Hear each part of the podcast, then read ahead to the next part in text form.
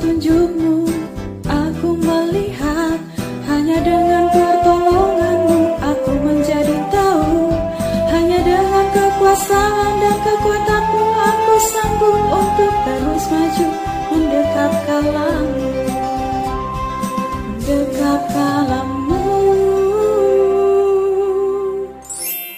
Wah, nikmat bener rokok ini. Aromanya berasa banget dah di mulut. Ini baru gebetannya pria sejati. Apalagi kalau dijodohin sama kopi hitam. Wah, tambah yahut. Ayo ketahuan gak puasa. Waduh, puasa dong tat. Kan damar anak yang soleh. Lah terus sok ngerokok. Kan merokok nggak batal Ustadz Yang masuk ke mulut kan cuma udara Sama kayak kita menghirup oksigen Menghirup udara mana ada ceritanya batalin puasa Malahan kalau nggak ngirup udara Ya pasti kita udah innalillahi tat Bukan gitu rasionalisasinya. Rokok itu membatalkan puasa karena ada molekul-molekul yang masuk ke dalam tubuh. Sebagian ke paru-paru, sebagian kecil masuk ke dalam perut. Nah, kalau masuk perut berarti sudah pasti itu membatalkan puasa. Kalau kita merokok, kita tidak bisa mencegah masuknya asap ke dalam perut. Berarti itu sudah menjadi keputusan paten yang menjadi rasionalisasi para ulama. Sekalipun pembahasan tentang masalah merokok ini masih debatable, tapi mayoritas para ulama menyatakan bahwa merokok itu bisa membatalkan puasa. Kita bisa melihat beberapa uraian dari para ulama, salah satunya adalah Abi Ya'la Al-Musili.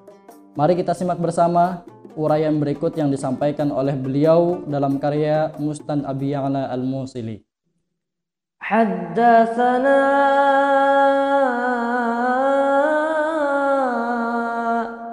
أحمد بن مانع حدثنا مروان عن رزين مروان عن رزين البكري حدثنا مولاة لنا. مولاة لنا يقال يقال لها سلمى سلمى من بكر بن وائل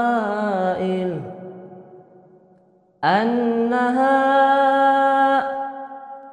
أنها سمعت عائشة تقول دخل رسول الله دخل رسول الله صلى الله عليه وسلم. فقال يا عائشة هل من كسرة؟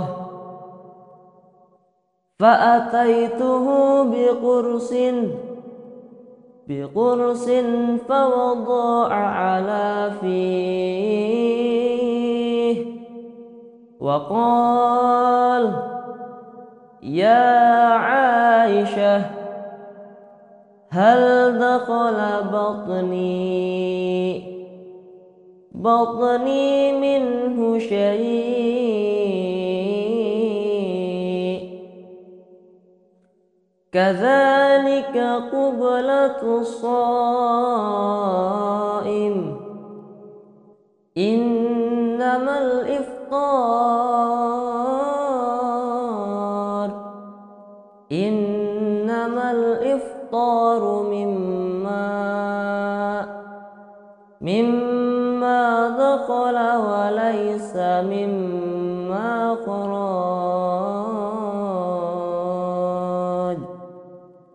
Artinya, menceritakan kepada kami Ahmad bin Mani' menceritakan kepada kami Marwan dari Razin Al-Bakri menceritakan kepada kami maula kami yang bernama Salma dari Bakar bin Wa'il.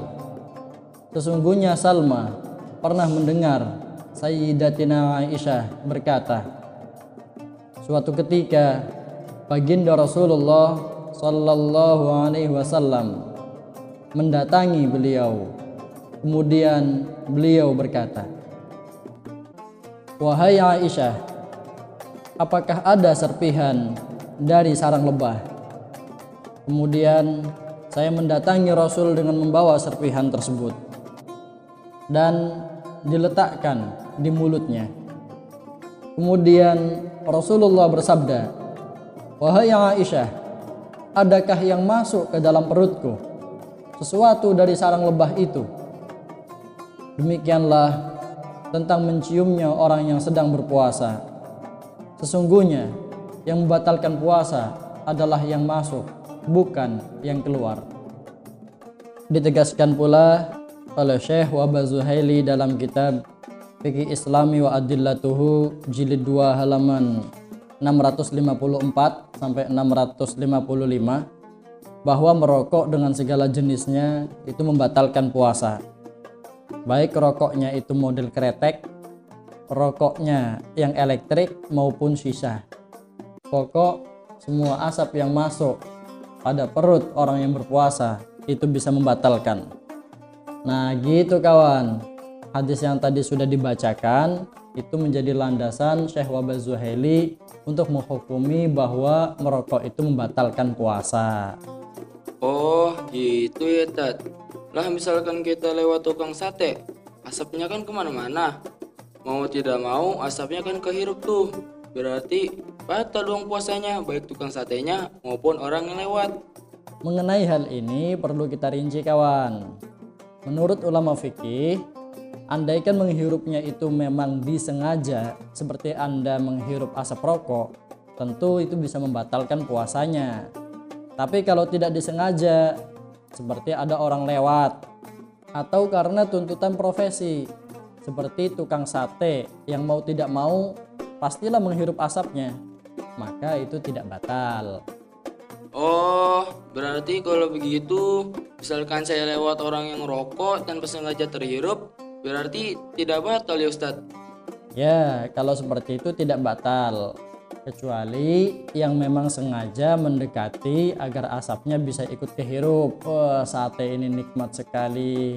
Atau justru dia ikut-ikutan mendekati orang yang sedang merokok untuk merasakan aroma rokoknya. Wah ini tembakaunya dari impor. Tentu ini bisa membatalkan. Disebutkan oleh Syekh Sulaiman Al-Ujaili dalam kitab Hasyiatul Jamal jilid 2 halaman 317 beliau menyatakan wa minal aini ad-dukhan lakin ala tasil fa in kana alladhi yashrabul an min ad-dawat al-ma'rufah aftara wa in kana ghayrahu kadukhanit tabikh lam yuftir hadha huwal mu'tamad asap itu termasuk ain jadi itu ya termasuk hal yang membatalkan puasa menurut Syekh Sulaiman Al-Ujaili hal ini harus dirinci. Apabila yang dimaksudkan dengan asap itu seperti yang terkenal sekarang, yaitu asap yang memang bersumber dari tembakau alias rokok, maka puasanya batal. Tapi kalau berasal dari bau masakan, tentu tidak membatalkan puasa. Hal ini juga diperkuat atau dijustifikasi oleh mayoritas para ulama. Mau tahu rinciannya? Mau, Tat? Oke, saya sebutin ya. Ada Syekh Imam Ibnu Hajar Al-Haytami dalam kitab Tuhfatul Muhtaj di Syarhil Minhaj juz 3 halaman 400 sampai 401. Beliau menyatakan merokok membatalkan puasa. Mau lagi? Boleh. Oke, Syekh Nawawi Banten dalam kitab Nihayatul Zain fi Irsyadil Mumtadiin juz 1 halaman 187 pun beliau mengatakan merokok membatalkan puasa. Gimana? Sudah jelas? Alhamdulillah, Tat. Saya jadi paham sekarang. Terima kasih ya, Tat. Ya, tapi gara-gara saya ngerokok tadi, berarti puasa saya batal ya, Tat. Ya, berarti batal kalau kayak gitu. Nanti setelah bulan Ramadan segera mengkodoknya. Siap Ustaz. Sahabat edukasi yang dirahmati Allah, demikianlah pembahasan tentang hukum rokok bagi orang yang sedang berpuasa. Kesimpulannya adalah, sekalipun terkait hukum rokok ini masih terdapat debatable, tapi mayoritas para ulama sepakat bahwa rokok membatalkan puasa. Terima kasih. Saya Sofiuddin. Kita akan berjumpa kembali pada episode berikutnya dalam program Kalam. Tetap dengarkan radio edukasi yang akrab dan mencerdaskan pada website suaraedukasi.kemdikbud.go.id dan aplikasi handphone TV edukasi. Pisau menggores menjadi luka. Rasanya sakit, amatlah pedih. Cukup sekian dari saya. Saya haturkan. Terima kasih. Wassalamualaikum warahmatullahi wabarakatuh.